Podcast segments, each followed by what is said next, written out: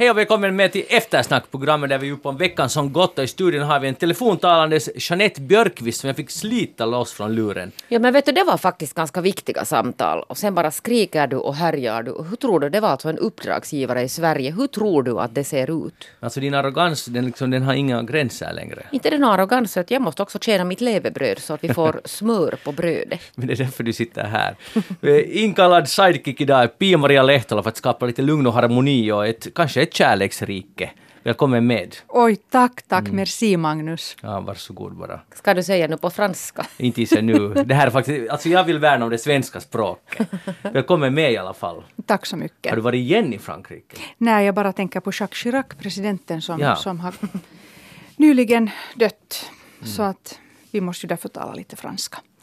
Bra tänkt. Jag heter Magnus Lundén och programmet är alltså Eftersnack. Vi är inte just nu i direktsändning och orsaken kommer att komma fram om en liten stund. Det har att göra med en viktig resa som undertecknad eh, är på för närvarande. Men inte det långt ifrån. Vi ska, ja, som, som det sades så har Chirac dött och i Kashmir håller det på att bli kärnvapenkrig. Och i övrigt har det varit Greta Thunbergs vecka kan man väl säga. Och jag tänkte faktiskt börja med henne helt kort. Vi talade ganska mycket om henne i, i förra veckan. Det där, eh, hon höll då ett känslolad, känsloladdat tal inför FN och hon har också hållit inför USAs senat och det var säkert något annat ställe också. Men nu har det också kommit fram igen hur mycket hat som hon och hennes familj blir utsatt för. Och jag skulle vilja diskutera det här. Vi alla förstår ju att det är en typiskt för vår tid. Men vad kan röra sig i folks huvuden när man alltså blir så här rabiata? Alltså på ett personligt plan. Det, det, ja. man, man står inte ut med smärta. Mm-hmm. Hon förkroppsligar ju det är en, en, en ung människa, en ung person som har hela framtiden då framför sig. Och um, hon visar alltså i det här talet, FN-talet, så, så hon visar ju verkligen, hon grät ju nästan. Och, och det var ju som ett, ett, ett skadat djur. Och att se det här, så det väcker i vissa personer så mycket hat för att de vill inte tro på det här och de, de vill inte se, se att hon lider och att det är sant. Utan, utan det är frågan om att, att um, fly. Det är en sorts eskapism att inte ta henne till sitt hjärta. Jo men där är också någonting alltså annat. Alltså där finns någonting sånt här djupliggande för att jättemånga av de här, inklusive Donald Trump som tydligen blir lite provocerade av henne. Nu säger jag ju inte att han har hatat henne men jag menar den här att man blir provocerad och på något sätt eh, går till olika slag av angrepp. Så det är ju alltså äldre män. Och det är någonting nu i den här konstellationen att det kommer en sån här eh, 16-årig flicka från Sverige. Och sen börjar hon alltså ge dem, hon, hon alltså skyr ju inte dem på grund av någon maktpositioner utan hon, hon smäller ju. Vet ni vad det handlar om? Det handlar om kinesisk medicin egentligen. Alltså yin och yang och de här Det energierna. Så det är ju så att ju äldre mannen blir, desto mera yin blir han alltså. Desto mera feminin energi får han. Och igen, en ung flicka har väldigt mycket metallenergi, yang-energi i sig. Så egentligen är de avundsjuka på den här kraften och den här styrkan och skärpan som hon har. Mm, alltså bra, jag kan bra tro att det handlar om avundsjuka. för att eh, tänk från på ett år egentligen från så att säga ingenting eller vara en, en precis som alla andra 15-16-åringar eller som vem som helst oberoende av ålder så är hon nu där i FN och talar och, och folk lyssnar och ja, vissa blir provocerade men nu, jo avundsjuka. Sen tror jag också att det kan, för när man ser det här talet så man kan ju, det är ju nästan, det är ganska overkligt att hon gråter för någonting som sannolikt kommer att ske. Förstår ni? Det är inte så... Det, när, när någon äh, går ut i världsmedia och gråter så då har det hänt redan någonting förskräckligt. Rwanda eller, eller Syrien eller Jemen. Förstår? Och jag tror att det här är det som på något sätt provocerar också. Ja men det har ju också sen väckt, alltså det är ju ut, utöver det att, att man blir provocerad då. Så har det ju vaknat den här, den här andra falangen, de här som är oroade över henne. Och då har man ju tittat alltså på det här talet och börjat analysera henne att, att i vilket skede av sitt psykiska tillstånd är hon. Och, och det där gjort då sådana psykoanalytiska utvärderingar av hur en autistisk, hur ett autistiskt barn alltså agerar. Och så blir det någon slags sån här chimär oro över hennes hälsa. Som egentligen alltså, och det kan hända att, att, att många är oroade över hennes hälsa men för många handlar det nog om någonting annat. Man fokuserar på helt fel saker. Ja, Inte det är någon genuin oro. Nej, är det ju exakt. förstås inte. Alltså det är ju bara det är, det är sån här snömos som man kastar fram. Om man vill skjuta ifrån sig vad det egentligen handlar om just Eh, på eh, grund av precis. att, Ja, och sen diskuterar man, och det finns ju alltså extrema mängder alltså diskussioner och analyser av den här flickans eh, Alltså, nu psykiska såg det ju liksom, nu såg det ju, om man på något sätt försöker se, eller inte vet om man kan använda ordet objektivt, men nu såg det så här melodramatiskt ut. Men det må så vara. Det, jag tycker det Men det spelar ingen roll. äkta. Jo, det var ju så äkta. Tänk framför en sån där publik att man kan vara så där liksom närvarande emotionellt. Det är ju sensationellt, alltså det är ju fantastiskt. Och, och det är ju en offentlig mobbning av henne. Mm. Jag tycker det är vidrigt. Det, det är verkligen straffbart alltså det här beteendet, hur, hur hur man behandlar henne. No, vidrigt är minst sagt, det var på Fox News var det en, en någon sån här kommentator, någon höger, eller han klassificeras som högerkommentator, jag vet inte vad det nu riktigt innebär, men han har någon radioprogram och han kallar henne för uh, mentally ill 16 year old Swedish child. Och, och det är liksom ett argument. Och så när, så när någon blev upprörd där i studion så, jo visst, visst är hon mentalsjuk, att hon har det ena och det andra och så räknar han upp olika syndrom. Visst är hon är Men mentalsjuk. det säger väl någonting om hans bildningsgrad om inte han förstår att det här är inte alltså någon mental Nej, sjukdom. nej, jag vet. Men jag menar på det, att det är så, den här nivån. Att det är helt, tänk om man kan sätta sig ner i en studio och tala till hela USA och säga så här. Det är helt vidrigt. Tack Pia-Maria, så är det. För att det där, eh, ja, som vi skulle tala eh, substansen istället skulle kanske vara lite bättre. Men, Men det är så mycket svårare. det är mycket svårare. Men får jag ännu Magnus fråga, jag är nyfiken eftersom göra. som du är man och du är, vad heter det också, inte du en gammal man, men du är Nej, med, nej, nej. medelålders Ja. som man. Hur reagerar du på det här talet när, när, du, när du såg henne nästan gråta? Alltså jag tyckte, jag tycker att hon är otroligt cool. Och jag tycker just för att hon utmanar oss alla. Och, och sen, hon gör det på ett annorl- annorlunda nytt sätt som jag, jag inte kanske tycker att det... Eller just det här att gråta där. Så inte vet jag om, om jag skulle gjort så, men det är ju jättecoolt att hon gör det. Och, Bli- Men blir du själv rörd av det? Ehm, blir jag rörd? Nej, inte blir jag så jätterörd. Alltså inte blir jag rörd. Inte rörd, rörd. Och jag blir nog ganska lätt rörd. Men på något sätt, det är det att man ser det genom och i media att genom lite cyniska ögon. För att vanligtvis om man ser någon som gråter, eller kanske inte vanligtvis, men det kan vara en, en medveten strategi, förstår ni. Men det här är ett barn, en 16-åring, jättesmart och så vidare. Så jag tror också att det var helt äkta, men jag såg det som om, ja det här är någon sorts ah, just. det, förstår du? Och, det, och jag är det här mera kritisk mot mig själv alltså här. För att, för att det var ju äkta. Så att inte, att jag tycker det var ett bra tal och det är bra att hon sa att USAs senat och, och de här att för, förlåt men ni gör inte tillräckligt. Att, att säga rakt ut och inte komma med några floskler utan det var ju jättecoolt det hon gjorde. Modigt. Så, Jag tänker att hela världen, alltså inte hela världen, men, men stora delar av världen alltså nu diskuterar Greta Thunberg från Sverige. Ja. Jag Att hon är ju det. liksom satt på, på världskartan. Och, och, man ser, hon har ju helt rätt. Vi kan säga det att vem som helst att sorry men ni gör inte riktigt tillräckligt. Och det är ju det, just Hur det. täcks ni? Hur, hur täcks just ni? det. Och det, och, men det, det är ju inte bara till USAs senat man ska säga utan till vem som helst, till, till sig själv. Att hur täcks vi? Så det, det tycker jag är ganska, eller inte bara ganska, väldigt fint gjort på alla sätt. Hej, nej, men du, du nämnde Donald Trump så jag kan No, inte... jag gjorde ju det. Ja, jag låter bli att Förlåt fortsätta. Pia-Maria. Nu lite, Men han var ju alltså, han gav ju sig på henne. Det tycker jag är anmärkningsvärt att, att det där USAs president jävlas med en 16-åring. Ja, det är också fantastiskt. Och just med sån här översittarfason. Att, Ja, ja, men att hon- hon tycks här, se, se, fram emot en glad och lycklig framtid. Ja men hon hade ju sen alltså det där gjort narr av honom och tagit det här Mm. exakta alltså citatet och satte på sin Twitterprofil. Heja Greta. Ja. Nåja, men Donald Trump. Ja, att, att det är lite otippat så nu Ukraina som kanske kommer att fälla honom. Alltså jag säger kanske för det här har man nu trott kanske 20 gånger och olika fall. Och du har ju förutspått det också. jag har förutspått det. Förlora var det och inte betala det. Och inte, jag, jag har liksom ingen kredibilitet i den här frågan överhuvudtaget. Men, det som jag skulle vilja lyfta upp att, att eh, du är Pia-Maria säkert lite in, insatt i häxfrågan. Häxor och sånt här. Vet du någonting om häxor? Nu, jag hade faktiskt en bok som, som hette Hexikon när jag var ung. Nåja, jag, jag visste det finns någon, någon Ser du, koppling ser till du, dig. ja, det var bra böckers faktiskt lexikon så det var inte något strunt. Nej, nej, exakt.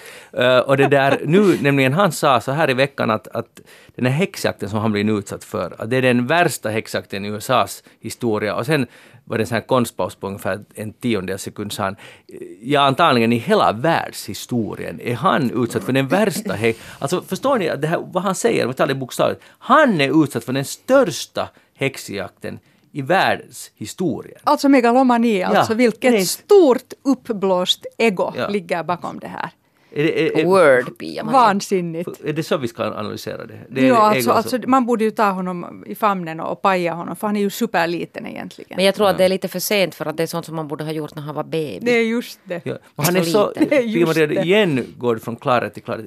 Han är så liten. Alltså, Jo, han är, han är- så jo. minimal. Om vi jämför med Greta Thunberg jo, och titta på hans läppar. Alltså jag, jag iakttar ofta hans läppar för att äh, där, i, i hans läppar finns en längtan efter sensualism och, och, och sen, och, och sen, och sen, Tycker och du sen sorg. Alltså det är ju en Trump, han har ju en Trumpen-min. Mm. Titta på den där minen. De där läpparna är ganska avslappnade och utputande. Och jag brukar alltid titta, där är en människa som, som tycker om njutningar. Men också en otroligt ledsen människa som aldrig får tillräckligt. Men mobbar du inte honom nu? Du, du Nej, går vet åt du, det är hans empati. läppar. Det är empati. Det är empati? Jag tyckte Av också att hon- kärlek? Jo, jag är riktigt vet Nej, jag, tyck, ändå. jag tyckte att hon sa det alltså med sån här, alltså det var sån här moder, moderlig alltså på ja. något sätt omsorg här i hennes Ja. väsen när hon sa det här. Men om ni skulle ha, det skulle inte finnas några kameror omkring och ni skulle få en liten stund med Trump och vi lägger det lilla Trump, alltså pojke Trump, vad skulle, skulle ni paja honom eller vad skulle ni göra om ni skulle få gå tillbaka till barndomen? Nu tror jag att det där, alltså den här personlighetens viktigaste utveckling sker ju innan barn fyller sju år. Mm. Så det är där saker och ting och det är, det är en ganska sån här, som ni vet, sju år är ganska lång tid i ett barns utveckling. Det handlar om anknytning. Jo, det är anknytning och där är många alltså moment där man borde kanske ha gått och tagit honom i famnen och, och klappat honom och kanske satt lite gränser också. Men eh, upplever ni inte att nu håller vi på att analysera henne, eh, honom precis som vi tycker att det är upprörande att någon analyserar Men han Thunberg? analyserar Greta Thunberg så vi kan väl analysera honom. Aha, han får tillbaka Vi är, det, samma. vi är trots allt alltså det här nedersta skiktet och det är liksom på något sätt rättvisare att det nedersta skiktet analyserar det översta än att det översta analyserar det nedersta. Eftersnack under USAs presidentämbete. Ser du, nu har vi en till här. Ja, jag är li- lite... Har vi någon annan med lite storhetsvansinne? Exakt. Nåja, okej. Vi då- finns ju på Wikipedia. vi finns ju, det, det är otroligt. Men han har ju säkert blivit uppfostrad till att bli en enorm tävlare. Att det Ja, har varit en konkurrenssituation där hemma. Och, Han borde och där jag ska, jag ska nu måste, det finns säkert någonstans analyserat hans barndom för jag är lite fascinerad av den. Man Vad ju hände nu- där? Man blir faktiskt lite nyfiken. Jo, Det där, eftersom vi är psykoanalytiker då Ja, i denna studio. Det där, en annan sak som slog mig den här veckan var att jag ägnade var det onsdagskvällen till att titta på Brexit-debatten i parlamentet i Storbritannien. Och ibland, ni vet när man har skärmen uppe och det finns flera flikar där så brukar jag hoppa lite emellanåt och göra dittan och dattan och sådär. Men för en gångs skull märkte jag att jag, liksom, jag, jag låstes i en fixerad position och tittade bara på det här i- nästan i 45 minuter. Alltså utan att göra någonting annat. Hela omvärlden var som uppslukad. Och det där... Och jag har inte faktiskt på länge sett så mycket hat, förakt, blandat med retorik och liksom politik. Allt i ett. Och det var så elakt och så brutalt och så aggressivt. Men det var ändå så att jag blev helt uppslukad av det här.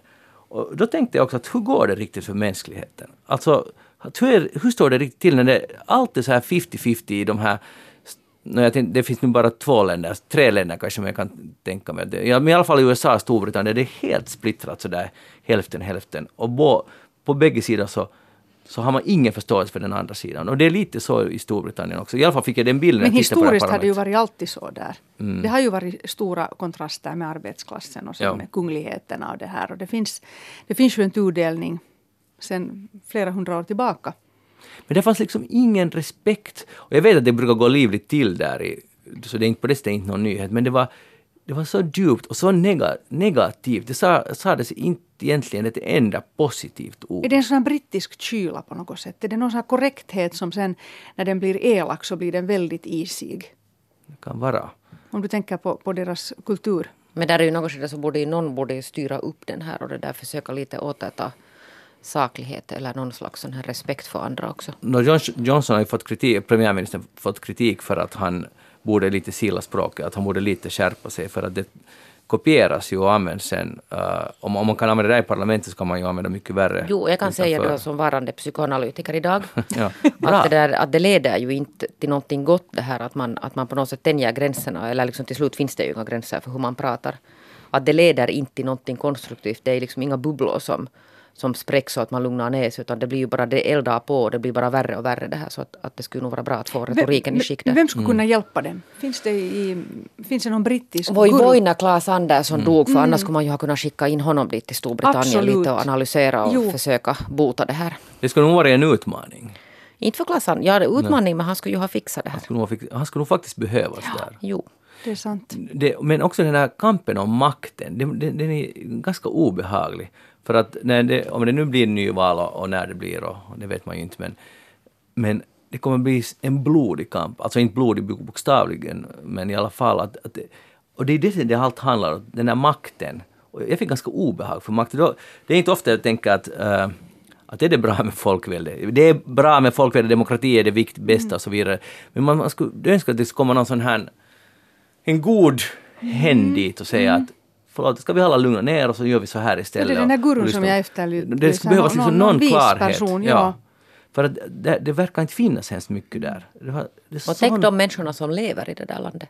men jag, tror, att- jag, tror jag är inte så säker på, det här skulle jag vilja veta från våra lyssnare, att, att ni som bor i Storbritannien, sitter man fastklistrad sådär som jag vid parlamentets nyaste session, när det blev ju inkallat efter det hade varit stängt för någon vecka och sen bestämde högsta domstolen att det, var inte alls lagligt.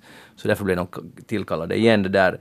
Jag har sitter folk och kollar på Det det. tror jag kanske inte att de gör i samma grad nu som du. Men, men nu är de ju alltså omgivna sen av den här eh, rapporteringen om det här. Som ju, alltså jag menar den här pressmiljön eller mediemiljön i Storbritannien är ju inte riktigt som, som här utan de har ju sin den här gula pressen som river ganska, ganska det där populistiskt, till och med lögnaktigt.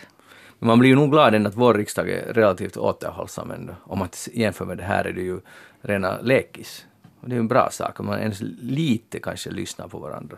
Samtidigt som jag nu önskar att vi i Finland skulle ha lite mera eh, vi skulle vara lite, lite mera mm, provocerande. Att jag Nu tycker- ropar jag de en del där i vi, riksdagen. Vi, vi också skulle kunna må bra av en, inte, jag menar inte åt det där hållet, men, men, men om jag tänker på, på vårt samhälle överlag så, så vi skulle nog kunna vara mera intellektuella och opponera oss mot dåliga sidor i vårt samhälle. Öppna oss mera verbalt.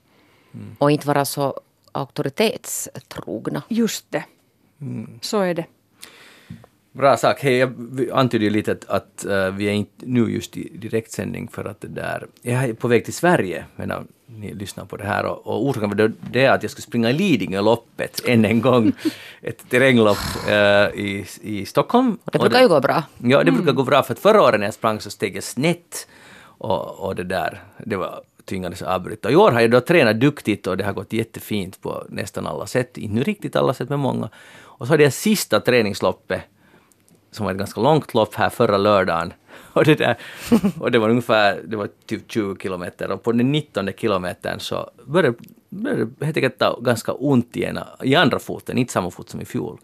Och, och så måste jag stanna efter kanske 500 meter. Så jag hade ungefär en dryg kilometer kvar av det allra sista, av nästan ett halvårs träning kvar. Och sen, Oj, oj. sen kom det och, och så visade det sig, så får jag till läkaren då nästa dag, alla mina kompisar sa, sa att det där är nu ingenting. Att, och så tänkte jag också.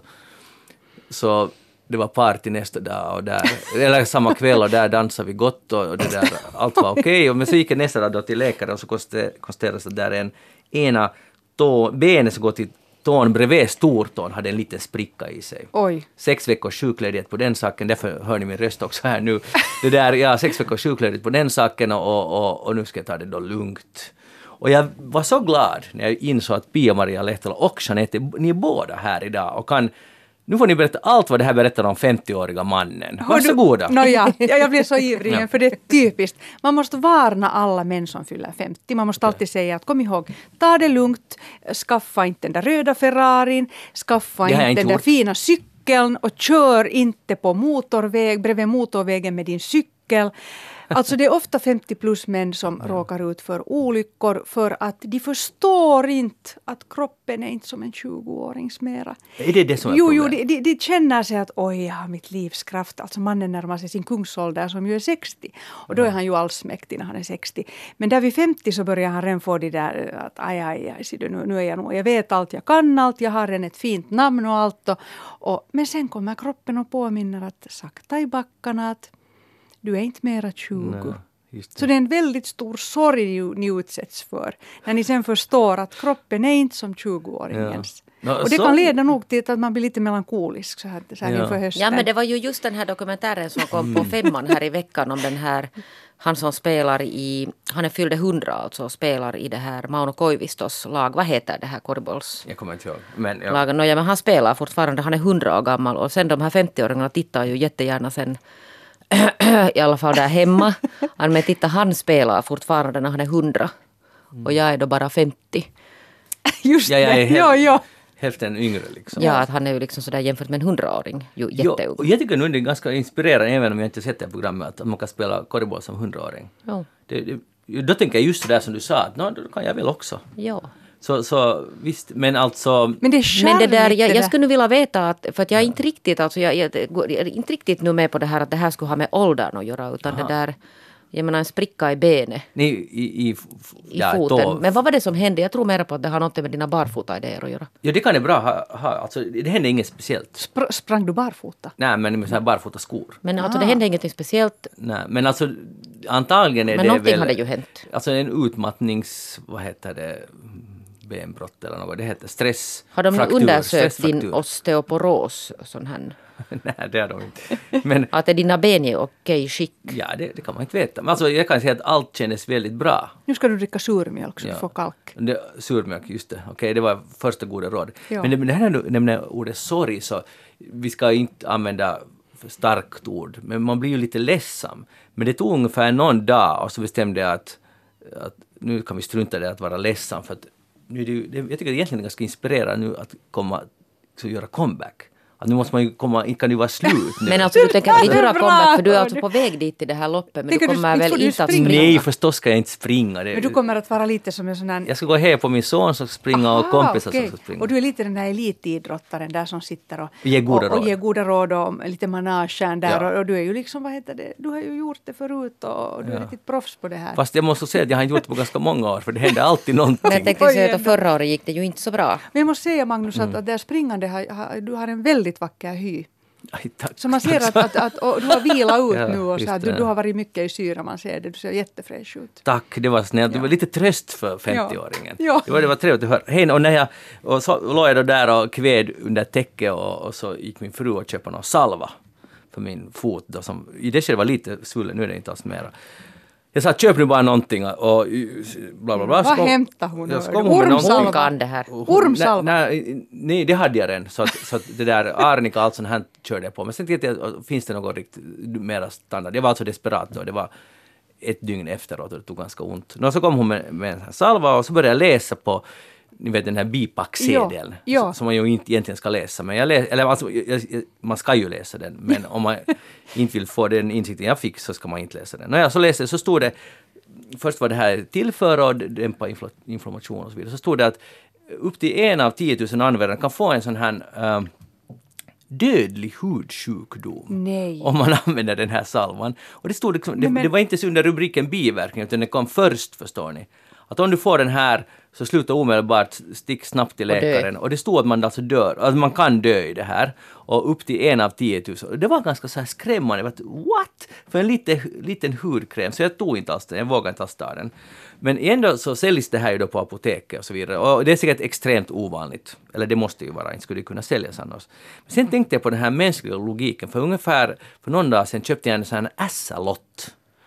I hopp om att jag skulle vinna 100 000 euro. Och, och då tittar jag sen, började titta på baksidan, vad är sannolikheten att jag faktiskt skulle ha vunnit den där 100 000? Ja. Det är mycket, mycket mindre sannolikhet än att jag skulle ha fått den här dödliga hudsjukdomen av den där hudsalvan. Förstår ni? Att, Ja, men vet du vad det handlar Men om? det är väl mindre skada att du sätter en eh, det är det 50 förvisso. cent på, eller vad kostar Men vad är nyttan av att sätta salvan? Förstår du? Att, Ja. Men vet du vad det handlar om? Nå. Du har en så stark livsaptit. Du vill inte dö. Det är Mm. Ju det det handlar om. Det är samma med människor som inte kan tåla att flyga. De är sådana som älskar och värnar livet. För det är ju onaturligt att gå dit i den här tandkrämstuben och sitta. Visst Jeanette? Ja, det är det ju Ja, faktiskt. så det är bara människor som har livslust som, som gör Som- som, du. och, och, Mm. Vad var det jag gjorde alltså? att du inte använder den här döden. Du sa Nej, du sa Ja. nej till Ja. döden. Jag satte nej till döden. Jag satte avgörande ögonblick Ja. i mitt liv, så sa Ja. jag nej. Ja. Men jag vill bara berätta att, att, att, att jag ska, sannolikheten att jag skulle ha vunnit på den här SA-lotten var en chans på 153 000.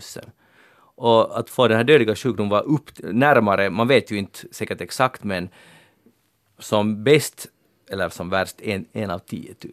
Men jag kan tycka att du kan ställa dem där riktigt mot Jag tycker varandra. man jag tycker kan, det är det- intressant att han har tänkt där. För, för det här, man, jag tycker man kan i det avseendet att, att det visar hur irrationellt man beter sig. Ja, man köper en en SL-lott i, i hopp om man ska vinna, men man använder kräm och tänker att det är så li- jätteliten sannolikhet att jag får det här problemet. Förstår du vad jag menar? Att, Ja. att ena, när man är optimist, jo men kanske jag vinner 100 ton.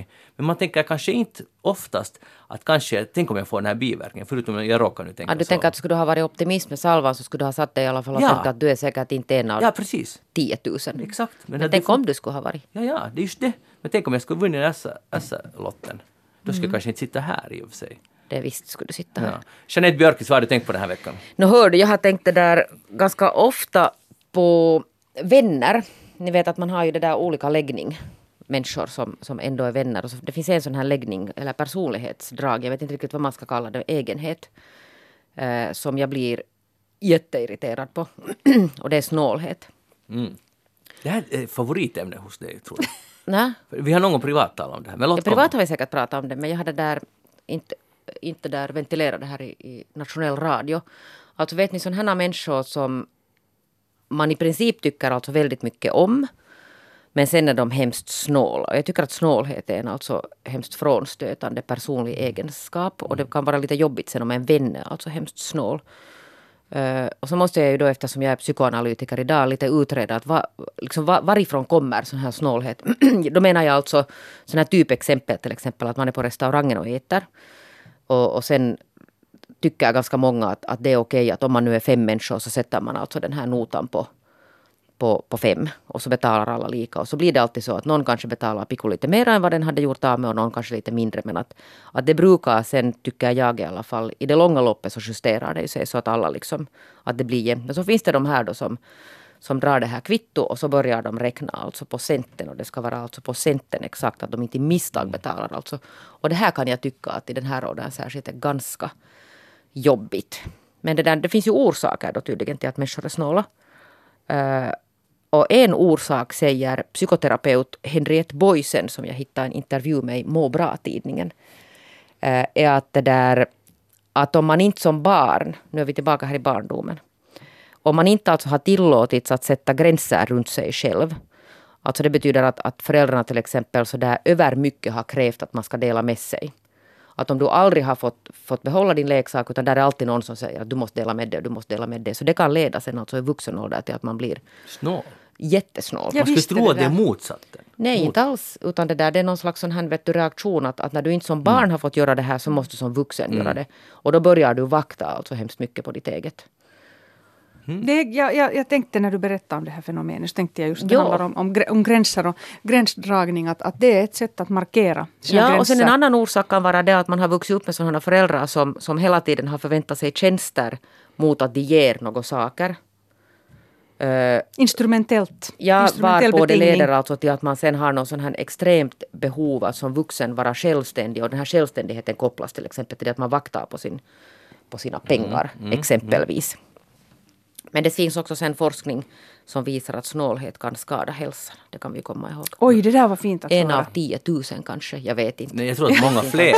Ja, alltså det är för att man, för att man blir alltså stressad. Alltså det blir sån här kronisk inre stress Mm. av att man hela tiden tänker på att spara. Och det finns ju alltså ganska många människor som är sådana här snåla människor. Men är du, eh, på något sätt får jag den bilden att du, du anser dig själv inte vara snål. Nej, det är jag verkligen inte. Och jag tror att du kan fråga vem som helst som har umgåtts någonsin med mig. Det behöver inte ens vara vänner. Det kan vara alltså vagt bekanta. Så är jag verkligen alltså inte den som... Jag är tvärtom alltså den som, som jättegärna alltså delar med mig. Har du, har du analyserat hur det nu har blivit på det viset? Då? Nej, det har jag inte. Vet du. Jag, tycker att det, jag tycker att det är en helt okej egenskap.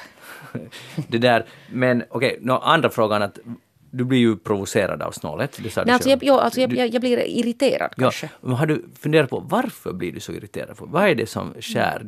Liksom, det är ju, jag tycker att, det är alltså, jag, jag tycker att man har rätt att, att tycka att vissa egenskaper hos människor är, Jo, men varför blir du så jobbiga. störd? För man blir ju olika störd av olika egenskaper hos Aha, olika så människor. du är en snål människa jag Nej, nu. inte, inte alls på det där sättet som du nu just beskrev det. Men jag är säkert inte lika frikostig som du. Ja, du kan ju säga att jag är ju ganska frikostig. Ja, visst är du det. Men, men alltså, du, du undviker att svara på frågan. Varför blir du så provocerad av, av människors snålhet? Inte vet jag. För egentligen skulle man inte borde bry sig.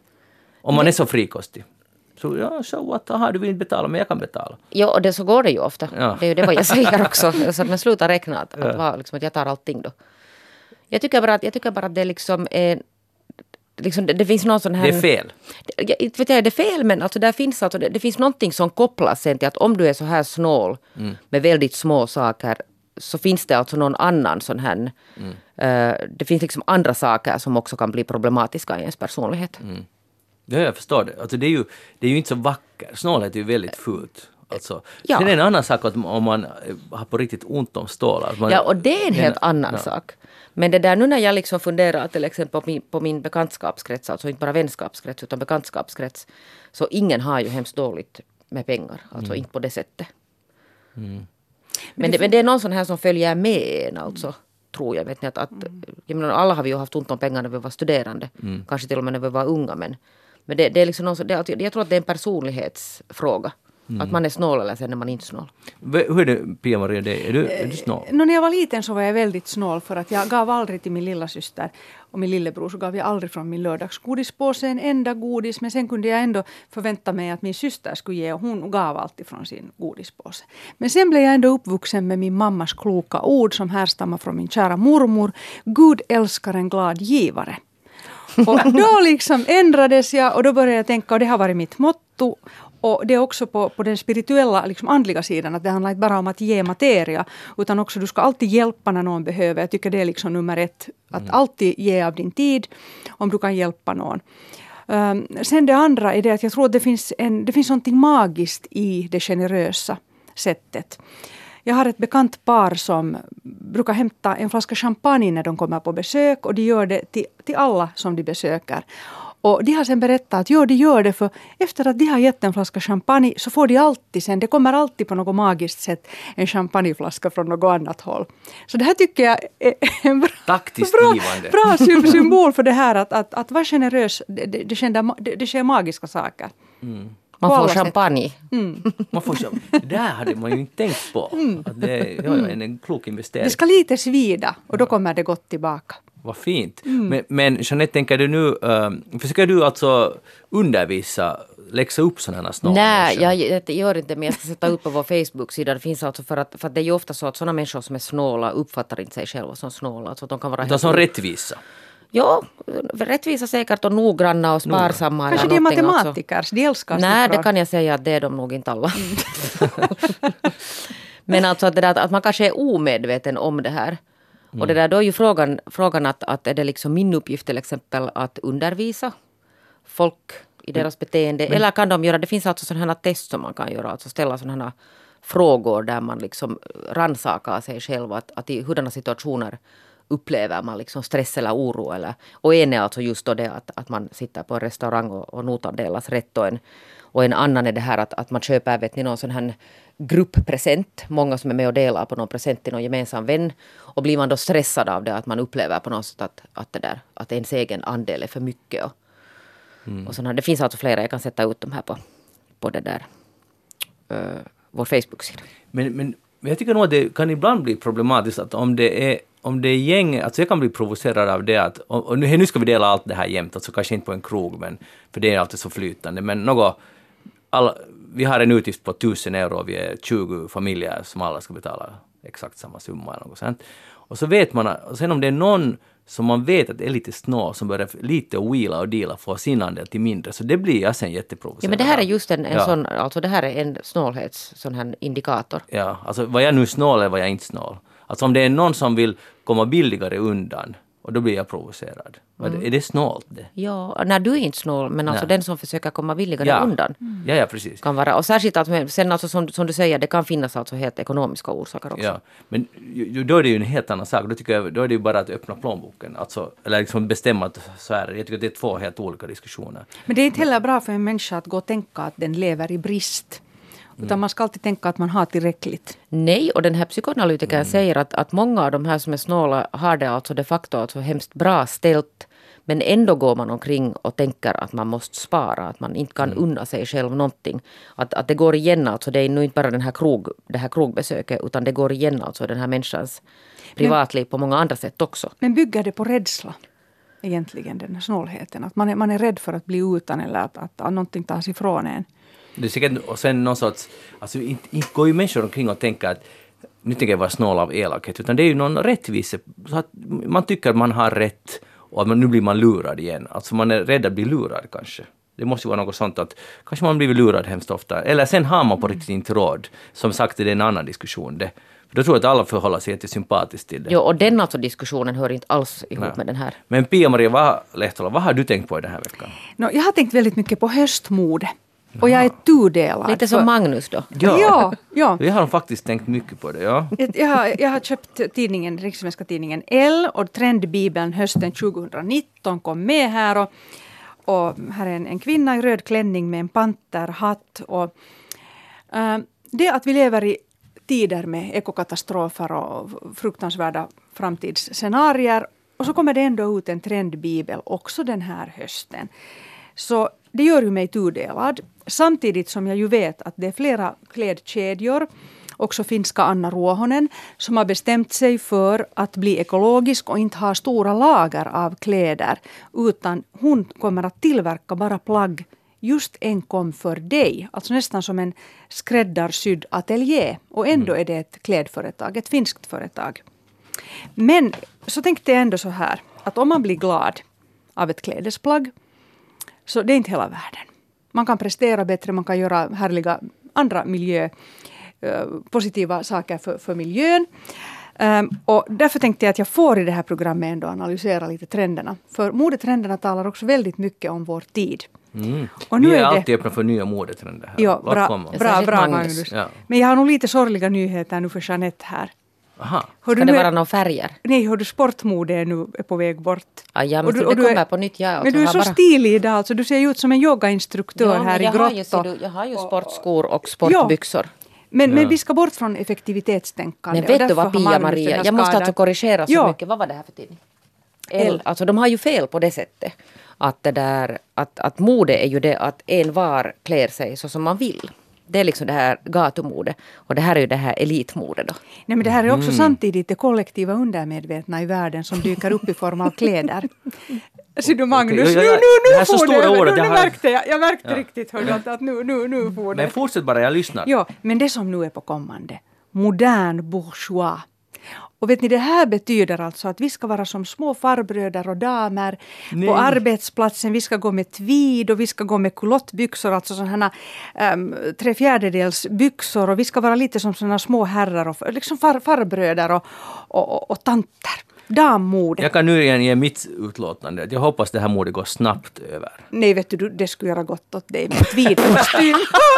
En- Aj, vet du, jag en skulle bli mer som brun- en farbror. Har du en brun tweedkostym? Vet du, Ja. vet du, du skulle vara riktigt charmant, hör du, sån här Old Europe-typ, vet du. Okej, nu när du säger Ja, Okej. absolut. Men hur är det hör med du. Jeanette då? Bort med sportkläderna. Jo, Jeanette Nej, ska, nej, nej, det går. En svart pennkjol åt Jeanette. Nej, nu är det alltså tyvärr så att jag har alltid så bråttom och är på väg hela tiden så jag kan inte klä mig i några sådana här kjolar och några sådana här modegrejer. Jag Nej. måste kunna springa och vara Exakt, du snabb. måste ha sådana skor som, som man är på länk Ja. med i princip. Men, Ja. men det här är ett sätt att få oss att lugna oss. Okej. Vi ska sluta prestera, vi ska sluta vara kommersiella. Jag men, det handlar ju om mode nu, men, men vi ska sluta med det här att, att Sportkläderna ger ju en känsla av att vi måste vara dynamiska och, och vi måste vara mera effektiva. Nej, de det är är passé. Nu blir det den långsamma tiden. Höpö, nu höpö. Det är kommer bra, tweeden. bra, men har du någon bild på hur jag borde se ut nu för att det här ska... Nu hördu, jag skulle säga gabardinbyxor. Jag vet inte vad det betyder. Ändå det är sånt fint tyg, hör du. Sant? Du skulle kunna ha fast mörkgråa såna. Och sen den här tweedkostymen, mörkbrun ylle, gärna skotskt ylle. Och sen hör du, ska det ha de här fantastiska läder äh, insydda lapparna här vid armbågen. Så att du kan armbåga Du dig. skämtar. Så- Är det här Nej, fakta? det är fantastiskt. Alltså om du skulle komma så här, jag skulle svimma av Simma. lycka. Av lycka. Alltså du skulle vara helt som en sån här herreman från Lyon. Dina rötter är ju där. De är där. Jag Och vet där bara, borde de förbli. Just i den här frågan. Men hur skulle du klä dig nu, om vi nu talar om kvinnornas mode? lite. Nå, jag har nog klätt mig idag på det sättet att jag har faktiskt en så här lite 20-tals inspirerad svart fransk klänning, Mhm. lite spets och så har jag en sidenskarf runt halsen. Och jag tycker jag trivs väldigt bra i den damiga stilen. Alltså jag får en känsla av att jag är korrekt. Och, och jag har liksom mina papper i vikta högar och jag tycker om det. Jag har, det där, jag har en lösning på det här. Nå, Ser du för att det, där, det krävs ju sån här mångsidighet i grupper för att de ska fungera. Att om Pia-Maria nu helt enkelt är vår modemedvetna människa så fortsätter vi andra som förr. Som förr, ja. Du, Jag är, inte helt, jag är nog helt öppen för nya idéer, men jag tycker bara att det låter så lite mossigt det här. Men det är ju men det är antagligen just det det som att... det är dit vi ska tillbaka. Alltså vi ska tillbaka till naturen. Men du ska till mossan. Sverige nu, nu ska du gå dit i butiken och där har de ju, där är de vet du, på trendernas topp där i Stockholm. Men att, jag vill bara berätta, jag var på en sån här trendig vegekrog i Helsingfors centrum och, och med mina kollegor och där var två av dem är lite 30 plus, under plus, sådär, alltså betydligt yngre jag. Så började de plötsligt tala passionerat om vermouth. Och jag, jag blev helt, förlåt Ah. men, förlåt men vad talar ni om? Vermouth, så, så, så talar ni om vermouth, de Ja. uttalar det som på något annat sätt. Ja. Jag vet inte hur, men det var ett sätt som, Och sen om portvin, och jag vet att ni talar om saker som min farmor talar Men det är om. ju ljuvligt. Ja, och då, och, Det är bourgeois. Ja, det här är ju- just det. jag menar, du har de, rätt. No, det är ju det. Ja. Och de, de här också, de 20 plus människorna, de skriver ju för hand sina anteckningar med en underbar de? fjäderpenna. Jo, jag har sett-? Jag har sett hörni. Okej. Och det som är st- största skriken nu i antikaffärer är ju de här bläck, gamla bläckflaskor. Senast jag kollade så satt Ja. de och knappade på sina telefoner. Nej, nej, vet du, vi är på väg tillbaka till, till den gamla. Nej, men så där i metron, alla sitter Jo, med bläckpennor och Jo, skriver. Där, där kan jag vara med på. Där, där, där, där är jag med. Där är jag med. du? Bra. Skriva för hand. Perfektionet. Ja. Jag har aldrig, har du ens någon handstil att tala om? Alltså, kan, Ja. du, kan du skriva? No, jag kan ju verkligen skriva. Jag hade ju tio i handstil, hör du. Den har lite blivit förstörd här med Alltså, journaliståren. skrivstil? Jo, jag har ju alltså det där... Jo, jag kan ju alltså på riktigt texta. Jag kan till och med kalligrafera. Oj. Men, men det här hör ni när man ska skriva nu för tiden sin underskrift. Blir ni ibland chockerade när ni tittar på era... Krockfötter. Ja. Men alltså jag blir mest chockerad när jag ser mina barn som de, när de får ställs inför den här situationen, till exempel passbyrån, så de vet inte vad de ska göra. Alltså, hur gör man en Har du inte tränat dem? Nå, inte så hemskt mycket. Min kan dotter de är sju och hon kan, hon kan alltså redan skriva sin Alltså de kan skriva skrivstil i princip, för det har de lärt sig i skolan, ännu Steinerskolan har det i princip där kvar. Men de, de, de har inte liksom en egen så, så kallad nimmare, alltså egen namnunderskrift. Nå, sån vet du, jag var alltså kanske 20 innan jag hade utvecklat den som Aha, sen blev så det kommer ännu. Och den, Jo, kan man måste ändras, träna. och den kan ändras med åren också. Men Ja, min äldsta har son är inte ändrats. 22. Jo, no, men det där, den kommer, den kommer. Man behöver ju inte skriva under så mycket nu för tiden. Det är som man kanske det som var min poäng här. Ja. Men för att nu summera upp det här så det kräver viss shopping nog ändå att bli en farbror. Eller också vintage. Du kan köpa alltså en, Aha. en, en tweedkavaj från, från 70-talet. Ja, De det- håller ju djur och skur. Kanske din pappa har någonting i sitt skåp. Det är möjligt Ja. att han skulle kunna ha något som Ja. passar just där. Men alltså, jag har lite svårt bara, alltså det är jätte, mm, väldigt ovanligt att jag går och köper kläder. Och att gå in i en butik och säga nu ska jag byta stil. Alltså, det har jag aldrig tror jag gjort i hela livet. Ännu. Alltså, ännu. Alltså ända tills Pia-Maria sa så här. Men jag, jag Du ska borde ta titta- Pia-Maria Ja. med som stylist. Det vågar jag nog inte göra faktiskt, ärligt talat. Det, det är för riskfyllt. Men ja, vi hör dina ord och eh, kvinnor, vilka färger är det ni nu ska då? Men jag skulle Anamma. säga att, att beige, vinrött, vitt. En annan väldigt stark höstfärg är ju den underbara eviga pinkfärgen som jag älskar själv. Jag tycker den är ljuvlig. Alltså om du klär dig i ljuset så kan du aldrig ha svårigheter med andra människor för att det, den ljusröda färgen får dig att älska hela världen. Jo, men nu är det nog bara så att alla, Magnus. alla passar inte med pink. Särskilt inte i det här landet där man i regel är ganska blek. Jo, men att om man har, du hörde ju vad hon sa, att om man har pink på sig så har man inte problem Jag med någon i strunt, hela strunt världen. samma hur man ser ut. Bara man älskar världen via sin pinkhet. Och då blir man Ja. ju vacker när man älskar världen. Ja, just det, förstår du? Så här går det. Ja. Och där går, fortsätt du bara med ditt gråa, Svarta. Sport, svarta sportlook, rusa vidare. Medan jag och Pia-Maria lever i harmoni och älskar Nå, inte är världen. du ännu hör du det inte där. nu, Du men- har helt fel. Snart jag blir väntar. det. Snart. Om en vecka ska vi se. Ja. När du har varit i Sverige på shopping. Ja, just Där ringer, har de mycket second hand. Jag ringer Pia-Maria till dig sen och ber om goda råd. Absolut. Hej, jag har... eh, jag tyckte vi skulle tala lite om TV-serier. Nämligen, eh, jag är ganska knäckt på TV-serier, hela alltså fenomenet. Och jag vet att många människor är beroende av det och det är ju det som är just det problemet. Det där, jag kom på nu den metoden hur man ska klara av sig, klara av eh, tv-serier. För att oftast är det ju, jag började säga, jag talade om för någon, något avsnitt sen här i eftersnack, talade om en rysk serie som finns på Netflix som handlar om så här, några år framåt i tiden när eh, det finns en superrobot som har empatiska drag. Och jag tyckte att det här konceptet var ganska intressant. Att en, en robot som... Ja, på allvar. Det är lite när du ja. tycker om den där Ja. bilen också som Ja. kör sig Ja. själv. Ja, det var lite, lite aha okej, att så här kan det gå. Tänk om det så spårar det förstås ut. Och alltså vet ni vad, att den här serien, jag tror den hade 20 avsnitt och allt det de ville ha sagt skulle de kunna ha sagt på tre eller fyra avsnitt. Allra högst fyra Så avsnitt. det var urvattnat. Det var så urvattnat, det blev så dåligt och så meningslös dialog och det, allting vet ni vände sju gånger och först en och aj, sen tillbaka och sen till, ännu en gång tillbaka. Och jag blev helt tokig så när jag sett, sett kanske 9-10 av en serie som jag tyckte om i början så gjorde jag helt enkelt så att jag gick in på Wikipedia och läste vad hände i 11, 12, 13, 14, 15, 16, 17, 18, 19 och så såg jag på 20 avsnittet och jag var fortfarande rasande för det var så uselt och slutet var ganska svagt. Och så slutade det ännu med en sista, allra sista sekunden kom ännu en cliffhanger. Det var egentligen inte slut på riktigt. Och då bara tänkte jag att hur vi, hur vi blir lurade av det här eländiga... Alltså jag vet att många tv-serier är sjukt bra. Och, och Men det de där är ju alltså en Netflix-serie då, inte en TV-serie på det sättet. Nej, en Netflix-serie, ja, ja. Men, Som du ska binge-titta på. Men det är ju en fördumning, alltså det, det, det sägs ju att vi håller på att bli fördummade. Ja, Så det är ju det är gjorda för framtidens fördumning. ja, fördummade ja människor. exakt. Och det här var just... Men du måste lite så. välja bättre vad det är du tittar på. Du ska inte titta på skräp. Nej, nej, men det, det, det hade du nog helt rätt i. Det är en bra sanning, Jeanette. Man ska inte titta på skräp. Och sen börjar alltså det där, vet Men du- mitt råd är det att för, för att frigöra sig från skräp, när man märker att shit, nu har jag hamnat i Då skräp. slutar man titta. Ja, det är en, men man har ju ändå den där, de är så skickligt gjorda att man vill veta hur det går. Då rekommenderar jag att läsa avsnittssummeringen i text, så får man det på 30 sekunder. Aha, och så kan man se på sista om man verkligen vill. Vet du vad man också kan göra? Man kan bara sluta så kommer man att glömma bort den där. Det, är, det är också sant. Men, men det är någonting den här nyfikenheten som har triggats. Att, att jag skulle inte klara riktigt av det. Jag ville veta hur syr de ihop det här eländiga paketet. Och inte var det nu hemskt bra de sydde ihop det. Och det här är säkert Rysslands typ bästa, inte kanske de bästa, men stora krafter har varit involverade i den här fantastiska serien. Var det bra skådespelare? Nå, I början tyckte jag att de var bra, men in the end så i slutändan var det bara en flicka, en sån här tioårig flicka som var helt otroligt bra skådespelare. Alla andra drog det på rutin, för de trodde inte på det där manuset. Men Pia-Maria, är du beroende av någon tv Nej, verkligen inte. Inte Alltså, alls? nej, nej, alltså jag är bara beroende av vackra eh, bilder av inredningar, antikviteter och mode. Alltså jag, jag, Instagram är mitt forum. Jag, jag, jag tycker inte om att följa med. Alltså jag, jag, tycker, jag, jag, blir lång, får, jag, känner, jag känner att det är långtråkigt att titta på en serie. Just på grund av att den, den här upprepningen. Mm. En serie som jag tyckte om på Netflix var faktiskt Gianni Versaces liv. Hur han blev mördad av en eh, psykopat. Det, det, den här modeskaparen Gianni Versace. Den, den, var, den var fin och det var också modehistoria. Och skickligt gjort och väldigt psykona, faktiskt psykologiskt. En, en, en vä- välgjord serie. Men jag är inte alls för serier. Alltså jag, absolut, jag, jag tycker det är obehagligt att li, ligga i, i någon säng och hålla på binge-titta där i flera timmar och ha en chipspåse i handen. Alltså jag tycker det är så osmakligt. Jo, på vilket sätt är det osmakligt? Jag tycker det är, det är, liksom, det är lättja.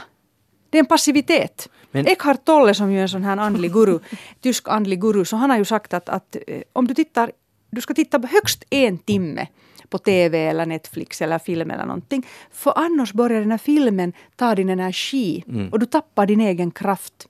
Jag tycker det är osunt att sätta massor med timmar på att sugas in i en, i en svart box. Jag håller helt med. Mm. Men, men då är frågan, vad, ska man, vad gör man? Du, du kallar, sa, definierar det som lättja. Så vad gör man då istället, som inte är lättja? Jag tycker man kan då istället titta i, i, i lugn och ro på något, något, någonting vackert, gå på ett museum, äh, läsa historia, alltså förkovra sig i någonting. Forska i det som man är intresserad av och använda sin tid på det. Mm. Känner du dig träffad, Jeanette?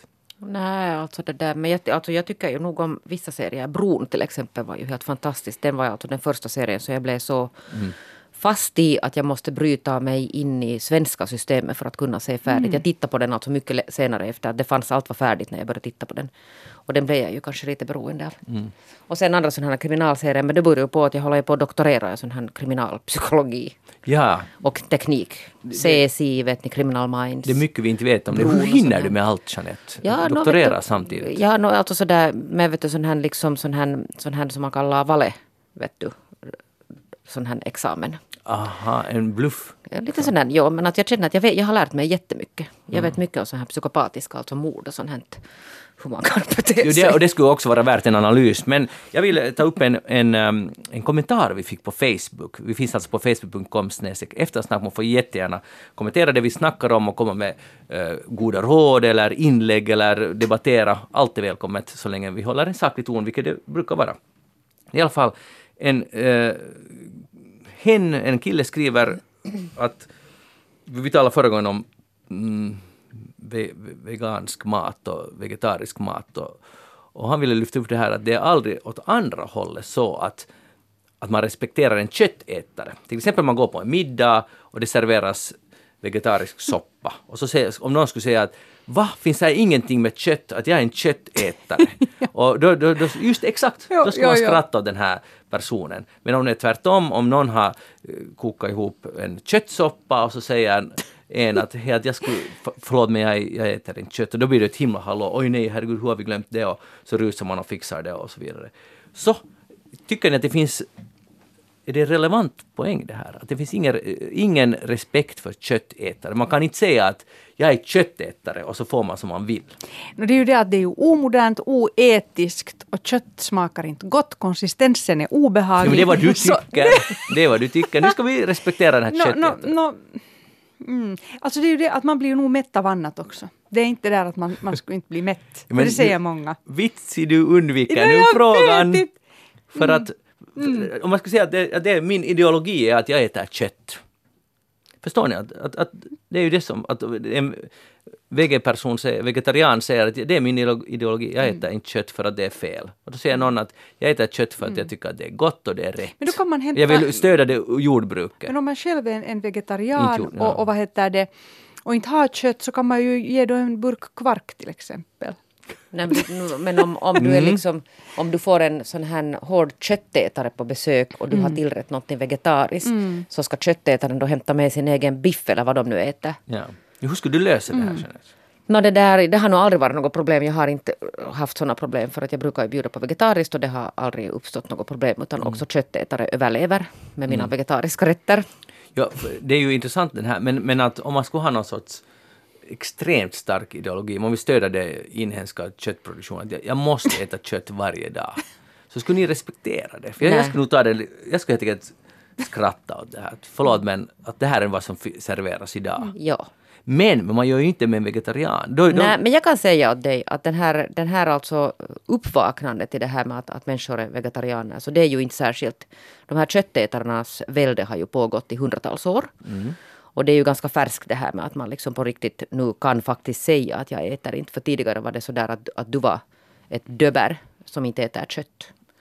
Men det där, för, för egen del har det aldrig varit alltså något problem. Utan, utan vanligtvis när man serverar sina, sina kötträtter så finns det tillbehör som jag alltid har överlevt på. Potatis och kanske någon sallad och sånt. Plus att jag har sen alltid brukat hämta med också mina egna. så ni, ni ser inte det här ideologiska problemet. Bra, Nej, då, och vill man absolut ha sin biff så det är ju bara att hämta med den i en burk. Så har vi gjort vi. Kotletter som med under det skulle vara armen. ganska bra att Ja. om man går till någon notorisk vegetarisk familj så tar man med sin egen biff. Ja. Det är ju lösningen här. Så är alla glada. Bara de inte svimmar sen av den här köttlukten. Jag hoppas inte det är deras problem sen. Hej, jag- nu går jag in på minerad mark för det är någonting jag inte vet hemskt mycket om men jag kunde inte låta bli. Vet du när man ser tillbaka på sitt liv, vad har man fått gjort och, och gick det nu bra och så inte. Det finns en kille som är jättemissnöjd, han heter Wally Conron och han det där var den första killen som eh, kombinera en, nu ska jag läsa till här, en labrador retriever med en standard pudel i syfte att få fram ledarhundar till synskadade personer med pälsallergi. Det här gjorde han 1989 Oj, nej. och det blev det, det som då kallas för labradoodles. Jag hoppas jag uttalar det någor- någorlunda rätt, alltså en blandning av de här två hundarna.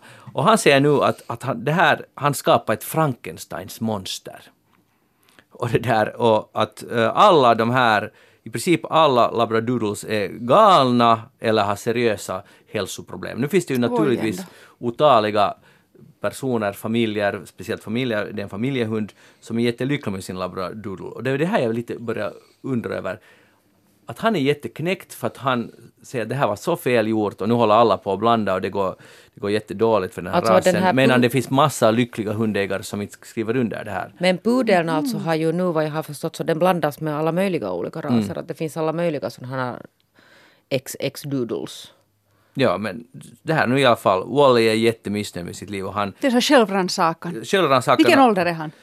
Jag tror att han, om det här nu var 89, jag tror att han var, jag kan inte säga 60-70 kanske, och han är alltså, han säger, han, om sitt eget liv att han skapar ett Frankensteins Men jag kan inte, monster. alltså det är ju nog faktiskt det där ganska stora ord. Ja. Alltså det låter ju som att det ska bli såna hundar som flyger fast alltså på folk. Och, Ja. Jag menar, vad, vad är felet i det, de här alltså? Ja. Jag har inte sett några så blodtörstiga labradoodles. De skäll, skäller och håller på och jag tycker att enligt honom, alltså galna, jag vill inte såra någon som har en sån, det här är ju bara vad den här the creator säger. Galna för att de skäller. Ja. Det finns andra hundar som skäller också. Men har ni någonsin skapat något som ni, ni har tänkt att det där var något Frankensteins monster? Alltså, finns det, har ni någonsin Egna ångrat barnen. djupt någonting? Egna barnen. Ja, barnen, ja det är ju det naturliga exemplet.